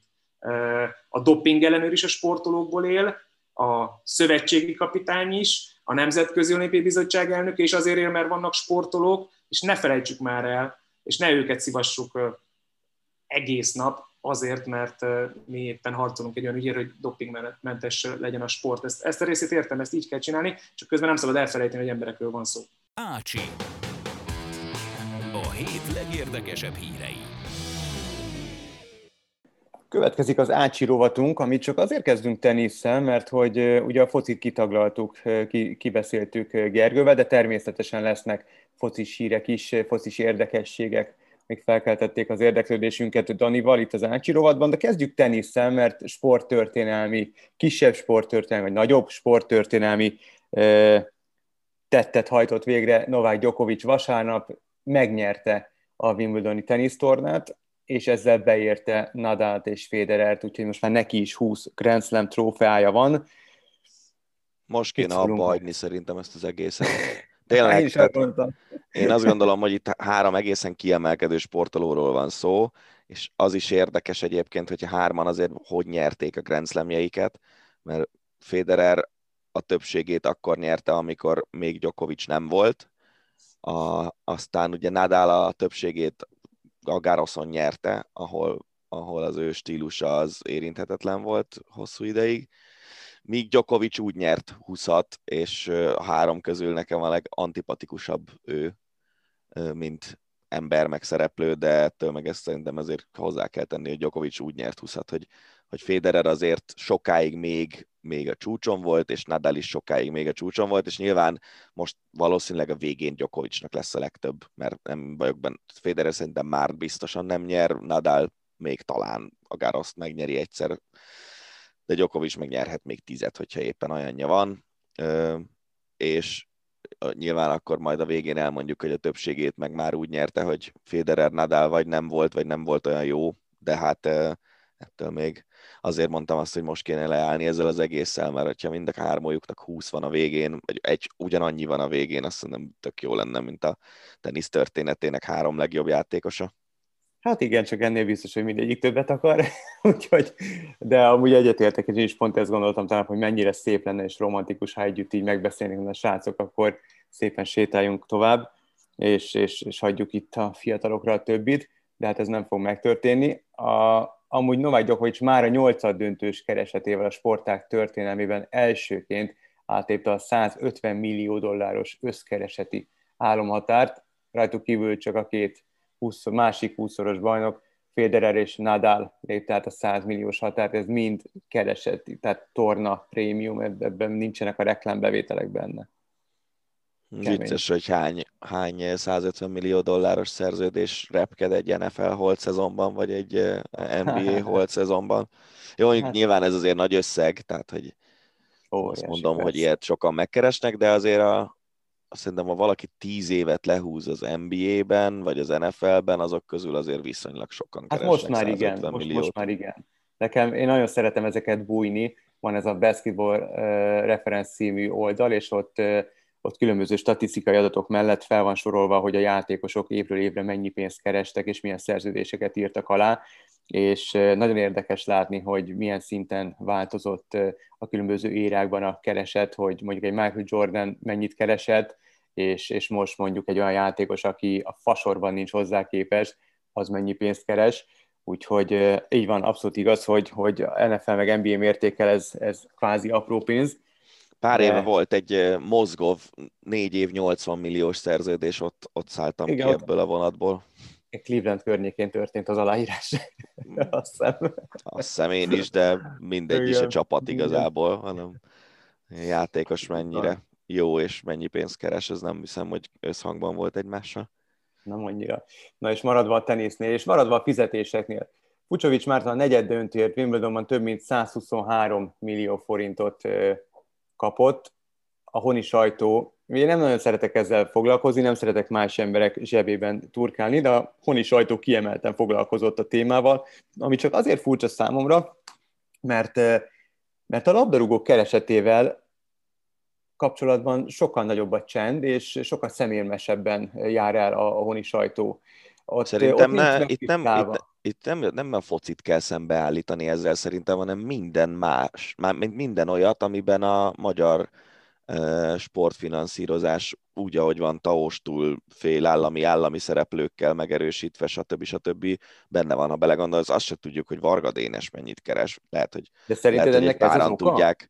Nem tudom, hogy ez az oka. A pénzek vannak, meg az állami szerepállás, tehát ezért ilyen szemérmesek, ha lehet így fogalmazni? Nem, tényleg külföldön nem tudom. tök más, tehát külföldön tudod, hogy Griezmann mennyire írt alá mondjuk a Barcelonához, és tudod, hogy havonta mennyit keres. Nem mintha érdekelne, tehát szó nincs erre, nem érdekelne, az én életem attól nem lesz jobb vagy rosszabb, hogy tudom, hogy Griezmann mennyit keres, csak, csak egy kicsit furcsa a jelenség, hogy mondjuk Pucsovicsnak a pénztárcáját azt egy az egybe kifordítjuk, és tudjuk, hogy centre pontosan mennyit keres, fillére pontosan mennyit keres, de mondjuk azt nem tudjuk, hogy nem tudom, most tök mindegy XY labdarúgó mennyit keres akár a külföldi klubjában, akár itthon. Ez hát ez az egyik, a másik meg a, ami szerintem nagyon visszás, az az, hogy, hogy tök jó ezt így leírni, és uh, rohadt uh, látványosan hangzik, hogy 120 millió forintot keresett. Oké. Okay. Mennyibe került a repjegye oda menni? Mennyibe került a repjegy annak az öt embernek, aki őt segíti oda menni, mennyibe került az edző havidíja, mennyibe került a menedzser havidíja, mennyibe került a masszőr havidíja, a sportpszichológus havidíja, és, és STB, STB, STB, a focisták keresete, és biztos vagyok benne, hogy a magyar bajnokságban ennél a 120 millió forintnál ennél keresnek többet évente nagyon sokan. Nem véletlenül emelték fel a a, azt hiszem az Echo nevű adónemnek a maximumát pár éve 250 millióról 500-ra, mert a sportolók egy jó része az, ezt, ezt az adónemet használja. De, de hogyha belegondolsz, azt se tudjuk, hogy mondjuk a kézilabda csapatainkban mennyit keresnek a játékosok. Igen. Azt se tudjuk, hogy, hogy mondom, hogy Varga Dénes mennyit keres maximum, a, lehet, hogy a közeg tudja, de, de és most nem is akarom rá kihegyezni ezt a dolgot, hogyha lett volna egy olyan tehetségű focistánk az elmúlt 30 évben, mint amekkora tehetség Varga Dénes a vízilabdában, akkor beljebb lennénk. De na, szóval igen, ez egy, ez egy nagyon visszás dolog szerintem, és a legviccesebb az meg az, amikor a, azt hiszem a, a Bleak hozta le, de ezt Bodnár Gergő mesélte csak, hogy, hogy amikor Ati, Walter Ati rózsaszín trikós volt a Giron, akkor mennyi pénzdíjat keresett azzal. És ráadásul a bringában ez rohadtul nem így működik, hanem ott a pénzdíjak, amit egy csapat összeszed egy versenyen, az bemegy egy közös kalapba, és azt szétdobják annyi felé, ahány csapattag ott van, és akkor ugye ott van nyolc bringás, mit tudom én hány sportigazgató, meg masszőr, meg XY, ez, ez és ez és ez. Tehát egy 4 millió forint pénzdíjat szedett össze Walter Attila, ami ráadásul szerintem az NB1-ben egy ilyen legalja fizetés ma Magyarországon, a foci NB1-ben, és, és akkor azt még szétdobják Isten tudja hány felé, abból lejön a versenyzői szakszervezet százaléka, meg tehát egy, egyszer volt egy cikk arról, hogy Peter Sagan nem tudom mennyi pénzt keresett, azt hiszem a, a Paris Rubét, amikor megnyerte, hogy az a pénzdíj volt, tényleg nem akarok hülyeséget mondani, legyen 100 ezer euró, és hogy a 100 ezer euróból a végén neki személy szerint maradt valami 7500, tehát ilyen nevetséges, mert, mert tényleg a, lejön belőle egy csomó minden, adók, STB, STB, és a végén meg szétdobják annyi felé, ahányan ott voltak a csapatban. Kemény. Szóval nem tudom, hogy miért jó ez, de egyébként szerintem a két jelenség valószínűleg össze is függ annyiban, hogy, hogy a sportbulvár rá van kicsit kényszerülve arra, hogy azoknak a pénzét, meg azoknak a zsebében turkáljon, akiknek nyilvánosak ezek az összegei. Mm. Pont azért, mert azt Persze. nem tudja meg az ember, hogy ki mennyit keres focistaként. Így van. Maradva a tenisznél, és hát az utóbbi pár nap legnagyobb botránya ez volt, és a legtöbb cikk ebben a témában született. Kicsit háttérbe is szorult maga a torna, Szóval Boris Beckernek a, a balhéja. Ugye a történet Dióhéjban Fucsovics Djokovic mérkőzésen Boris Becker volt a BBC szakkommentátora, és egy, egy olyan pillanatban, amikor éppen nem zajlott semmi a játéktéren, a kamera pásztázta a közönséget, Fucsovics Marci barátnőjére közelített a kamera, amikor is a kommentátor azt mondta, hogy azt mondják, hogy Magyarországon szépek a nők. Legszebbek legszebbek a nők, a Boris Becker azt mondta, hogy én nem tudom, hogy Magyarország, hogy ez, a, hogy ez igaz vagy sem, minden esetre ez a hölgy nagyon csinos. És ebből égtelen botrány kerekedett, a, ha jól tudom, a Nők a Sportért angol szervezet, valamilyen szervezet felháborodott és nekirontott Beckernek, és kígyót békát kiabált rá. Én, én megmondom őszintén, egy picit megdöbbentett az egész dolog, kikértem mindenkinek a véleményét, külföldön élő rokonaimnak, Amerikában élő rokonaimnak, az Angliában élő gimnáziumi osztálytársamnak, aki amúgy nő, a feleségemnek, a kollégáimnak, a barátaimnak, nagyon sok embert megszólaltattam, különböző vélemények jöttek vissza, nagy többségben, 90%-ban az volt a vélemény, hogy Boris Becker semmi rosszat nem csinált. Én úgy gondolom, hogy, és, és nagyon nagy tisztelője vagyok a női nemnek, én nagyon egyetértek a, a, a, azzal, hogy harcolni kell a szexizmus ellen, nagyot az, egyetértek azzal, hogy minden platformon, mindenhol egyenlőség, egyenlőségnek kell lenni férfi és, és nő között, de ebben a témában egyszerűen nem találok. Én, én szerintem ez túl lett reagálva. Szerintem túl lett reagálva, és, és, és igazából a legnagyobb gondom az, hogy komolytalanná válik, vagy legalábbis gyengül a küzdelem a, a szexizmus ellen egy, egy ilyen dologgal kapcsolatban, vagy egy ilyen dolognak köszönhetően? Um, én, én alapvetően azt gondolom, hogy tenisz szakkommentátorként neked megszólalni egy ilyen témában azért hülyeség, mert tudhatod, hogy bármit is mondasz, amit, amit, amiben bele lehet kötni, abba lesz valaki, aki beleköt. Szerintem a 2010-es évek végének egyik legszomorúbb jelensége az tényleg ez, hogy, hogy lényegében nem tud az ember kimondani úgy egy mondatot, hogy az valakinek ne okozzon problémát, és mivel a közösségi médiában, média világában élünk, ezért ezt meg is írja. És én, szerintem egyébként alapvetően nem szerencsés tényleg az, hogy akár a kommentátor, akár a, akár a ö, szakkommentátor egy teniszmeccsen arról áll neki beszélni, hogy XY-nak a barátnője szépe, vagy nem. Ettől függetlenül szerintem is ez egy viszonylag, tehát egy nem, nem kell erre ennyire érzékenyen reagálni, azt hiszem. És, és, és az biztos, hogy ebből ügyet csinál. Nem csak az a baj Magyarországon tényleg, hogy ezekből a kérdésekből ilyen, ilyen politikát csinálunk, és, és hogy igenis, tehát amit a, amit a kormány meg a médiája előszokott adni, hogy Nyugat-Európában PC terror van, minden ilyen példával csak a lovat adjuk alájuk. És amikor ilyen szerencsétlen jobboldali gondolkodók, idézőjelben mondom, posztolnak, és láttam egy posztot, nem tudom már kié volt, esküszöm nem, oda tette a képét annak a nőnek, aki ezt az egyesületet vezeti, amit mondtál, hogy ők azok, akik az egésznek az elejére álltak ennek a tiltakozás hullámnak, és ő, ő nem egy szép nő. És akkor oda teszi ezt a képet a Fucsovics Marci barátnője mellé, aki egyébként hát dekoratív mindenképpen, de ízlésben, ha már ezt így, így tartunk, nem az én világom. Szóval, hogy amikor szembeállítod a Fucsovics Marci barátnőjét, aki objektíven nézve egy szép nő, egy objektíven nézve nem szép nővel, és így adod elő ezt a dolgot, hogy biztos csak azért tiltakoznak, mert irigykednek. Mm. És mondom, minden ilyen sztori, az ez alá adja a lovat. És ez szörnyű, és tényleg szerintem egyébként szakkommentátorként, de kommentátorként is nem kell megjegyzéseket tenni, főleg nem 2021-ben, amikor tényleg minden, minden ilyenbe belekötnek, arra, hogy valaki jól néz ki, nem néz ki jól, stb. Ennyi. És, és szerintem is rossz az, hogy eljutott ide a világ. Én, én nem éreztem ezt egy súlyos esetnek, de, de azzal tudod megóvni magadat ezektől a dolgoktól, hogyha, hogyha nem teszel megjegyzéseket ilyenekre. Szerintem. Így van. Így van. Így van. Hát akkor folytassuk labdarúgással, mert van bőven labdarúgással. De ki mennyit fog keresni fog, azt mondd meg nekem. Ki mennyit és hol? Ilyen hírek most éppen nem érkeztek, most olyan hírek érkeztek, vagy olyan híreket találtam, vagy, vagy próbáltam összegyűjteni, hogy például Lionel Messi végre tornát nyert az argentin válogatottal, ugye az argentin válogatott nyerte a Copa Amerikát, döntőben 1-0-ra legyőzve Brazíliát, és hát ez sokadik próbálkozás követően az első tényleg nagy siker, hát az egyetlen siker válogatott szinten Lionel Messi esetében.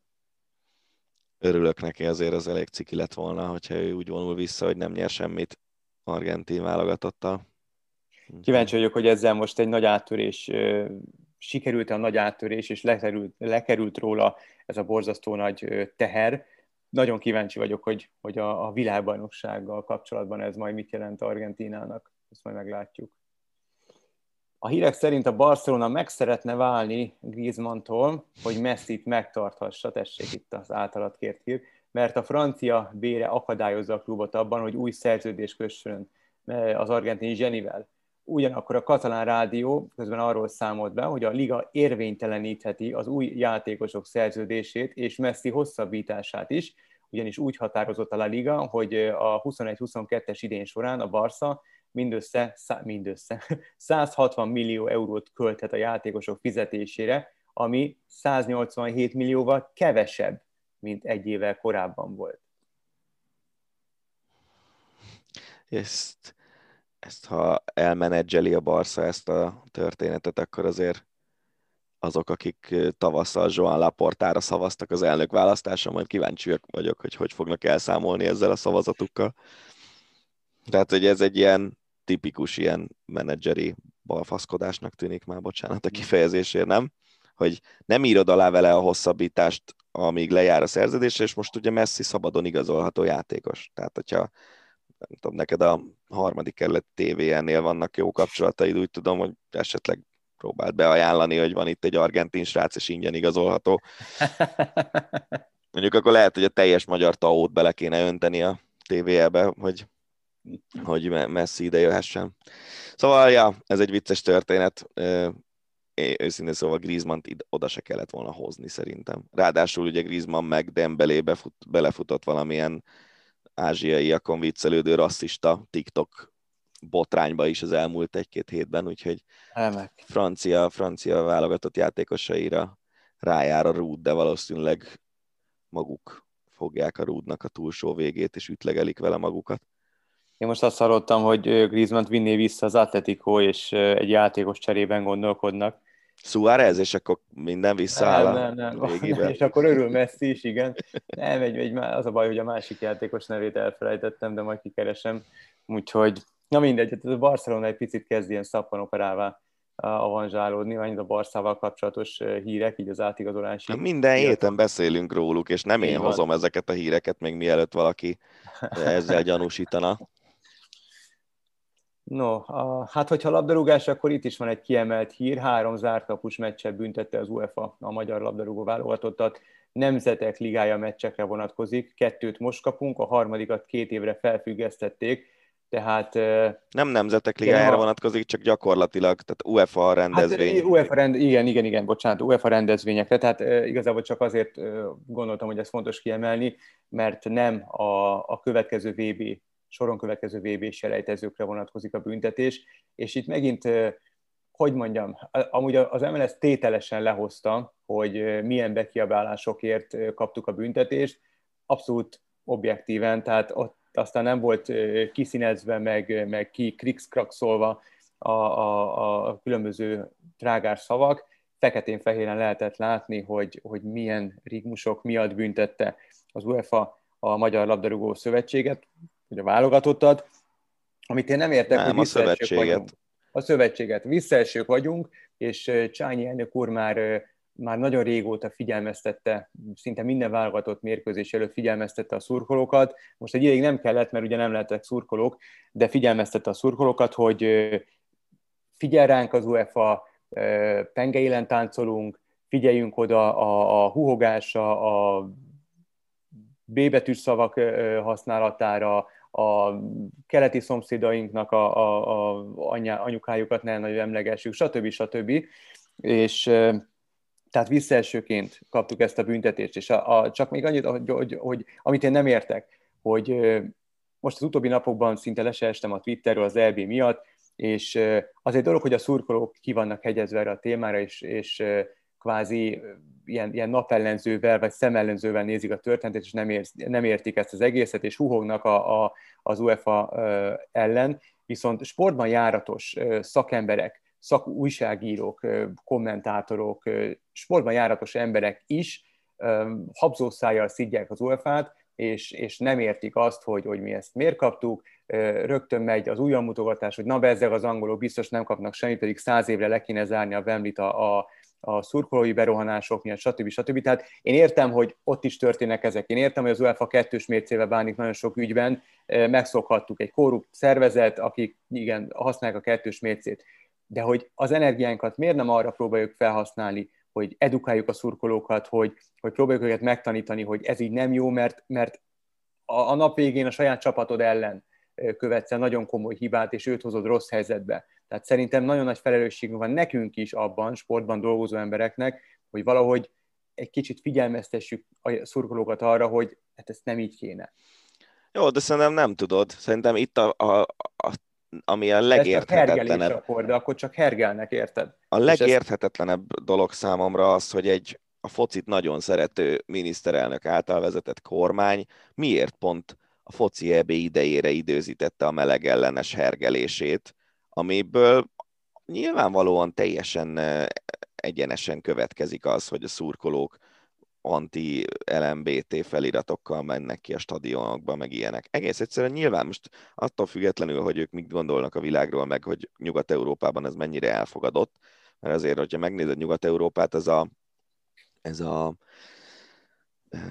homoszexualitás és egyéb szexuális kisebbségek nem elfogadása, ez, ez egy ilyen divattyomult dolog, ez most már szélső jobboldali pártoknak vannak meleg vezetői, meg ilyenek, meg, meg teljesen, teljesen természetes dolog az Nyugat-Európában, hogy, hogy akár transznemű, vagy, vagy meleg miniszterek, polgármesterek, stb élnek, és nincs, ez, nincs ezzel semmi probléma, nincsenek kitéve semmilyen hergelésnek. Most nyilván ennek a kérdésnek a megítélése, ez Kelet-Európában máshol tart, lehet, hogy soha nem is fog ott tartani, mint ahol most tart Nyugat-Európában.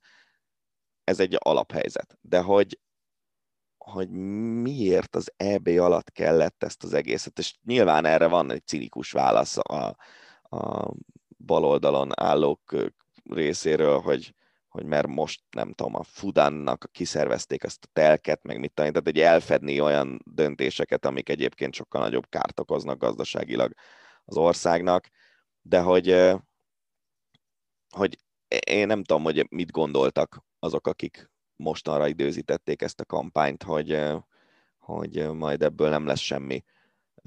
Se nyugat-európai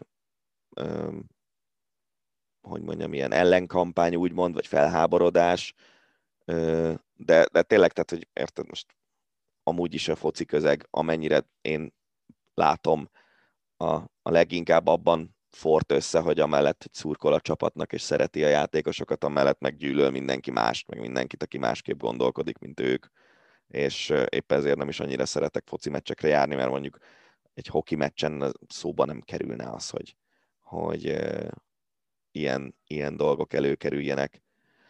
És, és hogyha egy ilyen közeget azzal hergelsz föl, hogy ezt a témát folyamatosan napirenden tartod, annak ez lesz az eredménye. Úgyhogy most az a vicces, hogy följutottunk a Nemzetek Ligájába, azt hiszem, hogy nem tudom, hogy három vagy négy csapatos csoportok lesznek, de ugye följutottunk az első osztályba, játszunk nagyon jó csapatok ellen, és majd ezeket a hazai meccseket zárt kapuk mögött játszhatjuk, méghozzá úgy, hogy egy a né- szurkolók helyén egy equal game feliratú Molino lesz ki feszítve, meg lehet, hogy az UEFA küld is egy olyat, ami szivárvány színű betűkből áll, és akkor még viccesebben néz majd ki a dolog. Ne, ne. Ezt már, már megbeszéltük valamelyik adásban, hogy én sose értettem azt, hogy a szurkoló miért nem tudja azt átgondolni, hogyha egy ilyen helyzet van, hogy hogy amúgy is eléggé ki van PC-zve, úgymond a magyar tábor a korábbiak miatt, akkor miért nem lehet ezt, ezeket a hangokat elhallgattatni. És egyébként az meg a másik, hogy azoknak is igaza van, akik azt mondják, hogy ott volt 60 ezer ember a stadionban, és ebből én 200 talán, vagy lehet, hogy még annyi se kiabálta ezeket a rigmusokat, lehet, hogy több, lehet, hogy kevesebb, nem tudom, de nekem egy dolog tűnt föl egyébként, én ezeket nem is hallottam, érdekes, hogy a puskás akusztikája az ilyen, hogy ilyen kisebb rigmusokat elnyel. Én nekem egy dolog tűnt föl, hogy a francia himnusz alatt, mint hogyha Vessen trianonoztak volna, ami nyilván nem egy ilyen meleg ellenes kirohanás, de attól még nem túl elegáns, azt hiszem. Nem, az egész nem, és, és nem is akarok ilyen ö, az egész dolognak a politikai töltetével foglalkozni, mert, mert az meg egy igazából olyan, mint hogyha a Dunába vizet hordanék, tehát teljesen felesleges. A, én, én még Igen, én, én sem hogy... azért foglalkoztam, mert most ez egy fontos dolog számomra, nem, hanem szerintem egész közvetlen kapcsolat van a kettő között. Igen, igen. Ja, hogyha nem júniusban indul el ez a melegellenes, vagy nem tudom, májusban, mikor indult el ez a melegellenes hadjárat, hanem júliusban indult volna el, akkor nem ment volna ki a egyszerű Sanyika a meccsre anti-LMBT izével, Molinóval. Ebben biztos Igen. vagyok. Én, én, én mondom, ami, ami számomra sok, vagy nagy, szintén elkeserítő, vagy hát elkeserítő azért az túlzás, de hogy így elgondolkodtató, hogy, hogy még egyszer mondom, hozzánk, hozzánk hasonló sportban dolgozó, vagy sportban jártas szakemberek miért hergelnek? Mi, mi értelme van annak az egész hergelésnek, hogy, hogy hát ők nagyon jól tudják, hogy mi a történet. Ők nagyon jól tudják, hogy miről szól ez az egész. Akkor miért kell ilyen, csak azért, hogy populáris legyél, vagy, vagy nem, nem értem az egészet igazából. De lehet, hogy túlbeszéltük. Nem tudom. Nem lehet, tudom. hogy túlbeszéltük. Úgyhogy menjünk is tovább. A... Cseperi nem támogatja az újabb összeurópai Európa-bajnokságot, összeurópai tornát. Hát ebben nem csodálkozom, vagy ezzel nem csodálkozom. Úgy nekem is így, így elég volt egyszer, aztán remélem, hogy többször nem fogják, de most azt hallani, hogy 38 főse fel akarják emelni a létszámot. 38? Vagy 32, nem tudom. Az, 32. az logikusabbnak tűnik a 32. A 32. A 38-ból hogy jutsz tovább 16-ba? Na, akkor, akkor, ne, akkor 32, igen.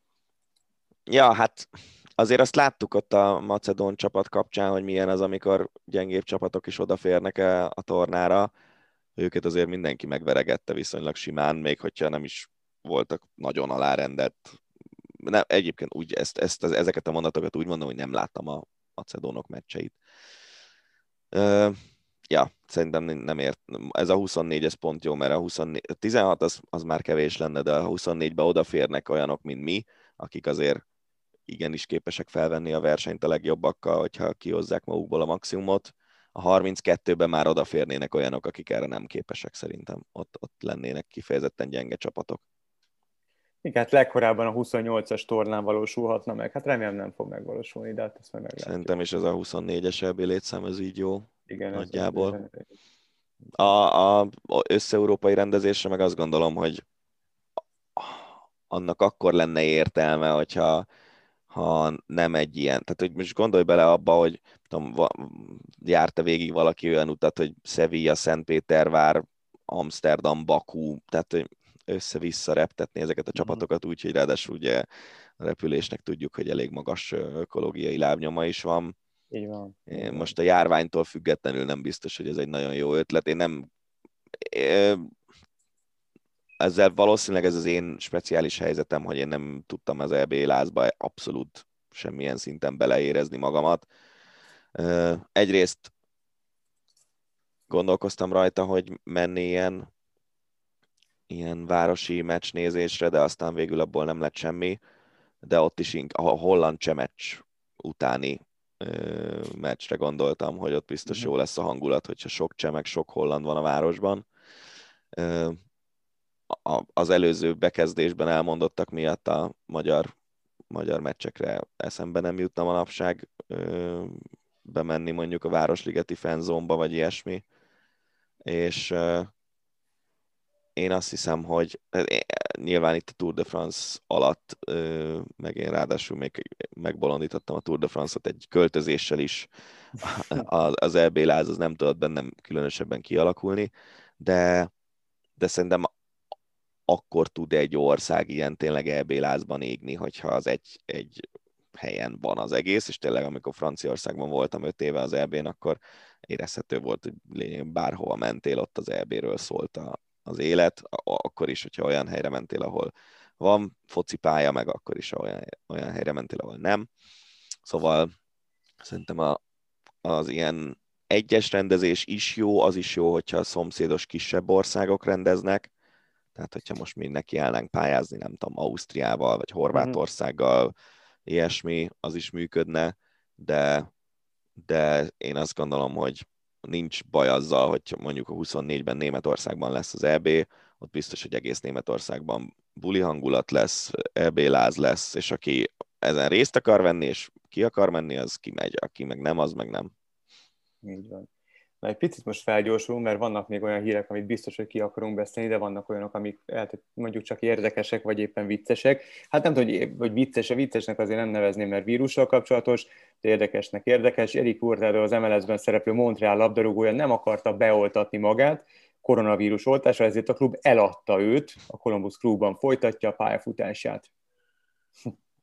Ez azért vicces, mert egyébként azért nagyon sok ember gondolkodik így, hogy ő nem oltat. Úgyhogy... Igen. Louis van Gaal lehet a holland kapitány, ugye a 68 éves szakember harmadszorra lehet kapitány, bronzére még vezette a holland válogatottat legutóbbi munkássága során. Hát volt ő Barca, Bayern München, meg, meg annyi csapatnak a kis Imádtuk padján. a Barszánál. Legjobb időszak volt, amikor úgy kezdődött a csapat összeállítása, hogy Hesp, Reiciger. De bur, de bur. Hát kb. egyébként az is volt, nem? Mert ez nem, Overmars, Kluivert, Zenden, ki volt még holland és barszás? Kluivert is volt. Igen, Kluivert, nem mondjuk vele azért, azért jó járt a Barca. A, ú, Na mindegy, nem az volt a csúcsidőszak a csapatnak. Jó, hát nem, nem, tudom, nem tudom, miért nem lehet egyébként egy Hollandia szintű országban találni egy innovatív 37 éves edzőt. Ja, pedig van, én sem értem. De lehet, hogy ők nem vágynak erre a kinevezésre. Christian Eriksen visszavárja az Inter és az új szakvezető Simone Inzaghi, mint ismert beültettek a Lán testébe egy defibrillátort, és Milánóban majd orvosi vizsgálaton esik át, és ezt követően döntik el, hogy folytathatja a pályafutását. Szerintem ez, ez nagyon meredek, bár nem vagyok orvos, de én, én magamból kiindul, hogy ilyenen átesnék, hát én, én nem létezik, hogy, hogy mernék, úgyhogy családom van, gyermekeim, hogy mernék ilyen szinten tovább focizni és folytatni. Ráadásul Olaszországban én úgy, tényleg úgy Igen. tudom, hogy Igen. van egy ilyen törvény, ami ezt így nem van, engedi. Így van. Hát a sajtóból tudom én is, ezt olvastuk. Nagyon kíváncsi vagyok, hogy mi lesz a korá, vagy a, a, a következő, az elkövetkezendő hetekben. Nyilván figyelemmel követjük majd mi is ezt az egész történetet, és majd, majd kibeszéljük. A, igazából a legfontosabb az, hogy Christian Eriksen maradjon egészséges, és, és hát ha tudja folytatni a pályafutását, akkor folytassa, a lényeg az, hogy maradjon egészséges. És hát még egy magyar vonatkozású labdarúgó hír, az RTL közvetíti az Európa Ligát és az Európa Konferencia Ligát is idéntől három szezonon át. Az RTL azért fociban korábban nem nagyon volt erős, hát volt egy, egy-két idényt ezt számítva. Igen, Élet. de közben meg ez a második választás csak, és a közmédiáé a az első Aha. tegnap a meccs szünetében a négy elemből álló egyperces hírek egyik eleme ez volt, hogy történelmi megállapodást kötött a közmédia az UEFA-val. Szuper. Nem, nem. Azért, vagy miért? Tessék? Nem tudják hova rakni ezeket a meccseket azért? Szóval miért, miért kellett bevonni az RTL-t? Ja, hát nem, ezek a jogok, ezek mindig így mennek, hogy van egy első választásos jog, és van egy második választásos jog, és ezt külön csatornáknak adják el. Eddig ez a sport egyen volt az Európa Liga. Értem. Szerintem, szerintem nem tudom, hogy az RTL-nek minek kell az Európa Liga, mert valószínűleg nem egy túlságosan sokak által nézett sorozat, és a konferencia liga még kevésbé lesz az. De hát lehet, hogy most vissza akarnak jönni a sportpiacra. Hát meg magyar érdekeltség az Európa Ligában lesz, reklámbevételek meg. Miért lesz a magyar érdekeltség az Európa Ligában? Hát ott elvileg lehet három csapatunk is, nem? Hát lehet, mi lehet, de hát túléltük az Na, hát- augusztust az elmúlt tíz évben, vagy nem éltük túl jó, az hát, augusztust az elmúlt tíz évben? Hát jó, az a baj, hogy ezeket a jogokat nem lehet augusztus után szeptemberben megvenni, akkor lehet, hogy hozzánk hasonló millió országot nem, eh, nem vásárolnák meg, de Na, most nem tudom. De egyébként mondom, a magyar me- meccseket, az kifejezetten ezt mondta a hírek tegnap, hogy, hogy vasárnap, hogy a magyar meccseket azt, azt a közmédia fogja adni. Aha. Hát akkor majd meglátjuk. No, uh, menjünk kézilabdába, vagy tudjuk le a kis híreket? Ö, ahogy érzed. Jó, akkor gyorsan szaladjunk át a kis híreken. Cavendish beállította Eddie Merckx 75 óta élő rekordját, 34. szakaszát nyerte a túron. Bizony, ez egy ilyen... Ez korszakos azért. Ez, ez olyan, mint hogyha Jordan a Wizards-al nyert volna a visszatérés, sokadik visszatérése után egy bajnoki címet. Ez, ez, ez ilyen brutális a, semmiből. E, neki 2018-ban azt hiszem Epstein-Barr vírussal diagnosztizálták Cavendish-t, és, és 19-ben, meg 20-ban nem az, hogy nem nyert verseny, de lényegében jó sprintjei se voltak, amikor így mhm. közel van a győzelemhez. Volt egy, egy török körön volt egy harmadik helye, tehát hogy ilyen, ilyen semmi, és visszament a Quickstephez, 35 évesen, most már 36, és az, az, hogy ő egyáltalán elindult a túron, az két héttel a túr előtt került szóba először, amikor kiderült, hogy a, csapatnak a, az ír sprintere szembenet, aki tavaly megnyerte a pontversenyt a túron, ő egy tércsérüléssel bajlódik, és a, a belga körversenyen, ami a túr előtt volt, túr rajta előtt két héttel, ott is beugrasztották, hogy pótolja Benettet, és nyert egy szakaszt olyan mezőnyben, ami talán még, még nevek alapján egy picivel erősebb is volt, mint az idei túros sprinter mezőny. És miután kiderült, hogy Bennett egyrészt nem kommunikált teljesen őszintén a csapattal, másrészt a térde sem javult, ezután jött az, hogy akkor már Cavendish indul a túron, és, és akkor úgy voltunk vele, hogy hát ha nyer egyet, az már mekkora visszatérő sztori, és én tényleg én ezt, ennek az egynek szurkoltam ezen a túron kb., hogy, hogy legyen egy, egy Cavendish győzelem, amit én közvetítek, és akkor megnyerte az első olyan hajrát, amiben részt vett, a negyedik szakaszt, és aztán megnyerte a következőt is, meg az azt következőt is, meg az azt következőt is, és ezt mondtuk az elején, hogy ha, ha nyer egyet az elején, akkor Merckx rekordja veszélyben lehet. Uh-huh. Mert a sprint az egy ilyen önbizalombajnokság lényegében. És, és hát most tényleg ott tartunk, hogy, hogy második pihenő napon megvan a 34-es szám, lesz három hegyi szakasz, de abból kettő lesz igazán nehéz, amit még neki limit időn belül túl kell élnie, de eddig nem nagyon voltak gondjai a limitekkel. És aztán lesz még egy lehetőség pénteken, meg lesz egy lehetőség vasárnap a Sanzelizén, és ugye hát az lenne a hollywoodi gics csúcsa, hogyha vasárnap a Sanzelizén zöld trikóban, tehát a pontverseny győzteseként nyerné meg a 35-et, megdöntve a rekordot, és a, a csapat vezetője azt mondta, hogy szerinte ennél tökéletesebb pillanat nem lehetne arra, hogy ő vissza is vonuljon azzal a lendülettel. Hmm. Hmm. Hát kíváncsi vagyok. Szóval ez nagyon, nagyon hollywoodi, nagyon, nagyon nagy sztori. Hm. Nem lesznek nézők semmilyen formában a Tokiói olimpián Tokióban, Fukushima-ban és Szapporóban sem. Fukushima baseball és softball meccseknek adott, vagy ad majd otthont, Szapporó pedig a labdarúgó tornának. Azért ezek nagyon, nagyon kemény hírek. Hát biztos, hogy nem lesz hangulat, és ez nem jó. Én egy dolog miatt, nem azt mondom, hogy örülök neki, mert nem örülök neki, de ha már van egy ilyen helyzet, akkor a, az egyetlen pozitívum szerintem az lesz, hogy például a kézilabda meccseken tök jól lehet majd a kommunikációt hallgatni hm. a kispad és a pályán lévők közül, vagy a pályán lévők egymás közötti kommunikációját, és ez, ez egyébként szerintem egy, egy ilyen elemző fejjel nézve, vagy, vagy félig meddig hozzáértő fejjel nézve ez egy jó dolog lesz de összességében persze nyilván ez egy nagyon szomorú helyzet. Nick Kyrgios nézők hiányában nem is indult Tokióban. Úgyhogy hát ennyit erről. Itt, itt igazából szerintem is ez, ez egy sok szempontból egy nagyon furcsa és nagyon sajátságos olimpia lesz. Korábban soha nem tapasztalt lebonyolítással, nézők nélkül. Én azért örülök a megrendezésnek, mert csak a sportolók szempontjából, hogy, hogy így nem vész, nem vész kárba a befektetett munka, és, és, és, és, és valahogy legalább meg tudják mutatni a tudásukat, a felkészültségüket.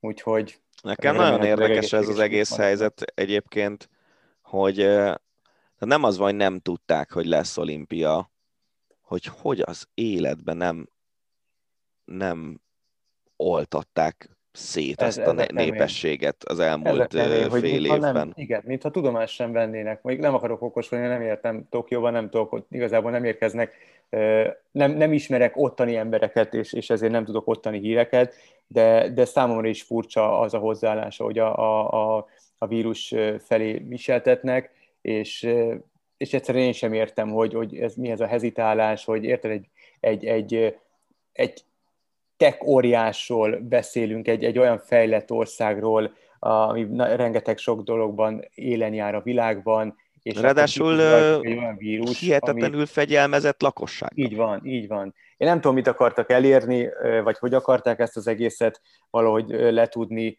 meg maguk mögött hagyni, de nagyon nem jött össze. De hogyha valaki ért e, vagy a japán kultúrához, vagy az ottani vírushelyzethez nálunk jobban, akkor küldjön egy e-mailt, vagy, vagy írjon kommentet, vagy ilyesmi, mert engem tényleg konkrétan érdekel az, hogy ezt hogy ö, kezelték ennyire félre ezt a, ezt a vírushelyzetet ott, hogy most be tudott robbanni még egy Isten tudja hanyadik hullám meg variáns. A FINA bejelentése szerint az úszók nem nyilváníthatnak véleményt a dobogón az olimpián, sajtótájékoztatón elmondhatják, és a média csatornáikon is azért nem büntetik őket, de a dobogón nincs véleménynyilvánítás. Sok újdonság nincs ebben, ez szerintem mindig is így volt. Mindig a, az, azon szoktam röhögni, amikor emberek mondják, hogy nem kellene a sportot a politikával összekeverni. Egyrészt a, nekem az a személyes véleményem, hogy a, a jogegyenlőségért, meg a jog előtti egyenlőségért való harc az számomra nem politika, hanem az egy normális alapállapot kéne, hogy legyen, hogy mindenki egyenlő a jog előtt.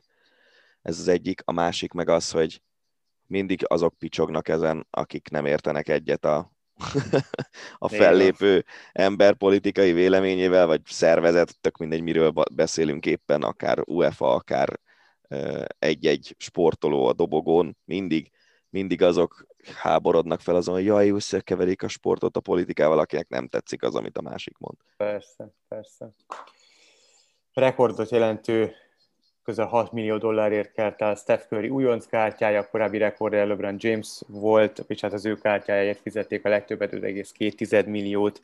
Én régen um, gyűjtöttem kosaras kártyákat, Amerikában jártam a, a középiskola első osztályát, és ott fertőzöttem meg ezzel, és egy nagyon komoly gyűjteménnyel jöttem haza. Nekem meg volt, különböző márkák vannak, tehát különböző kártyakészítő márkák, cégek, és egy bizonyos márkákból meg volt nekem annak idején, hát akkor voltam kint Jason Kidd, Chris Webber, meg Penny Hardaway újonc kártyája, és egy egész szép gyűjteményt hoztam haza, nagyon akkurátusan elrendezve, mappákba, stb. És hát bevittem a suliba megmutogatni ott az osztálytársaknak, meg ilyen nagy kosaras frikeknek, mint én, és, és hát apám nagyon büszke volt rám, hogy én nem voltam az a nagy gyűjtő, és általában nem is nagyon fogott meg semmi ilyesmi, és ő, ő viszont igen, meg egy nagyon akkurátus ember, és marha büszke volt, hogy, hogy látott végre a fiától egy, egy ilyen akkurátusan elkészített valamit, amire nagyon vigyáztam, hogy fontos volt nekem, és bevittem, ez 94-ben volt suliba, és nyilván a felsősök azok rögtön letámadtak, és hát volt egy srác, aki meg akarta venni, két srác és azért mondom, hogy azért fontos az évszám 94, hogy helyre tudjuk rakni az összegeket, 15 ezer forintot és egy Nike cipőt ajánlottak érte, uh-huh. és hazajött és mondta apám, hogy, hogy el ne ad, ne legyél bolond, ez, ez évek múltán nagyon komoly összeg lesz, és, és büszke leszel rá, emlék, stb. és hogy ne add el, két nap eladtam az egészet, azért a 15 ezerért meg a Nike cipőért, és nyilván apám az kicsit ennyi szóval furcsát a döntés, de hát az én döntésem, az én kártyám, stb.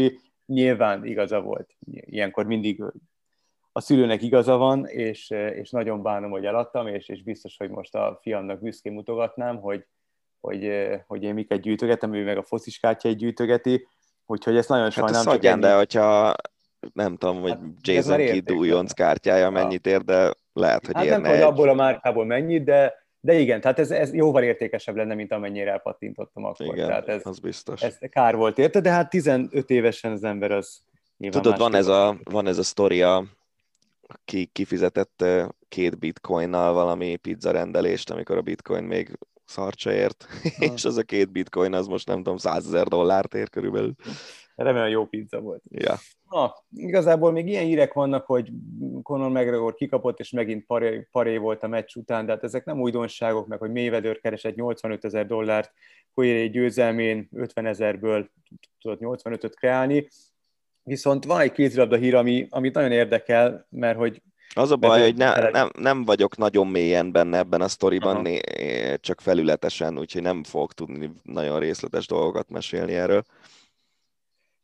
Ugye ez a Nagy László VS Pixeged című történet, ami a, a döntővel kapcsolatos, hogy Nagy László és a Veszprém megkeresték a döntő második mérkőzése előtt az egyik szegedi játékost. Bodót. Hát, Bodót leigazolással, valamivel kapcsolatban, és, és egy nagyon furcsa kanyart vett az egész történet. Nem tudom, hát ugye itt a, én, én a Szeged közleményét olvastam, mert mondom, az a baj, hogy most tényleg nem nagyon van időm a túron kívül másra. Nem hallottam, nem láttam még azt a vaxot, amiben Nagy Laci szerepelt, meg azt sem, amiben Szűcsernő Péter szerepelt, aki a Szeged elnöke, azt hiszem, vagy nem tudom, tehát a Szegedi klubvezető. Igen. De minden esetre, hát itt igen, itt Laci A-t mond, a szegediek B-t mondanak, a szegediek közleményéből az derül ki, hogy nekik bizonyítékaik vannak arra, hogy ők mondják az igazat, nem tudom, nehéz, nehéz ezekben az ügyekben tényleg igazságot tenni, de hogyha vannak bizonyítékok, akkor valószínűleg ott az igazság. Ha tényleg Laciék ráírtak Bodó Ricsire, hogy gyere Veszprémbe a döntő második meccs előtt, ez közepesen gondolom egy etikus ötletnek. És az meg, hogyha Nagy Lacinak tényleg, tényleg hazudoznia kell, úgymond azért, hogy a saját becsületét megőrizze, de aztán hamar, ugye, hazug embert hamar utolérik. Kiderül, hogy, hogy nem mondott igazat, az azért nagyon ciki, mert ugye ő a amellett, hogy a Veszprém sportigazgatója a szövetség alelnöke, és a szövetség hát alelnökeként ő nem futhat bele hát ilyen sztoriba. Hát az egy, az egy harmadlagos dolog most a jelen esetben, mert hogyha én lennék a szövetség alelnöke, és én csinálnék valami olyan inkorrekt dolgot, ami a, az két top klub közül egyértelműen az egyiknek favorizál, a másikkal szemben pedig rossz, akkor teljesen jogosan mondanák azt, hogy te Dani, ezt nem kéne most ez, az, hogy a Nagy Laci Nimbuszát ez lerombolná, én nem gondolom azt, hogy egy ilyen ügy le, lerombol egy olyan játékos pályafutásnak a Nimbuszát, ami, ami ő mögött. Nem, nem is van. arra gondoltam, hanem az, hogy ez kötelez valami, valami ez, ez egyfajta ilyen, nem tudom, viselkedés kódex. Biztos, hogy igen, biztos, hogy igen. Hát ez a sztori, ez tényleg olyan sok, sok sebből vérzik ez a, ez a dolog, és nagyon remélem, hogy lesz egy olyan végkifejlet, amiben ki tud állni, és azt tudja mondani, igen, ez volt, hibáztam elnézést, menjünk tovább, és úgy láttam, hogy a szegediek részéről se az a cél, hogy Nagy Lacit megsemmisítsék erkölcsileg, és ilyenek, hanem, hanem az, hogy lépjünk tovább. És ilyet ne csinálj máskor, talán ez a másik. De mondom, nem vagyok ebben olyan nagyon mélyen benne, megyek, most hétfő reggel vesszük fel ezt, a, ezt az ácsit, megyek délután siófokra, női válogatott felkészülési meccsre, hát ha ott valakitől kicsit mélyebben megtudom a részleteket, és akkor még visszatérhetünk rá majd jövő héten. Így van.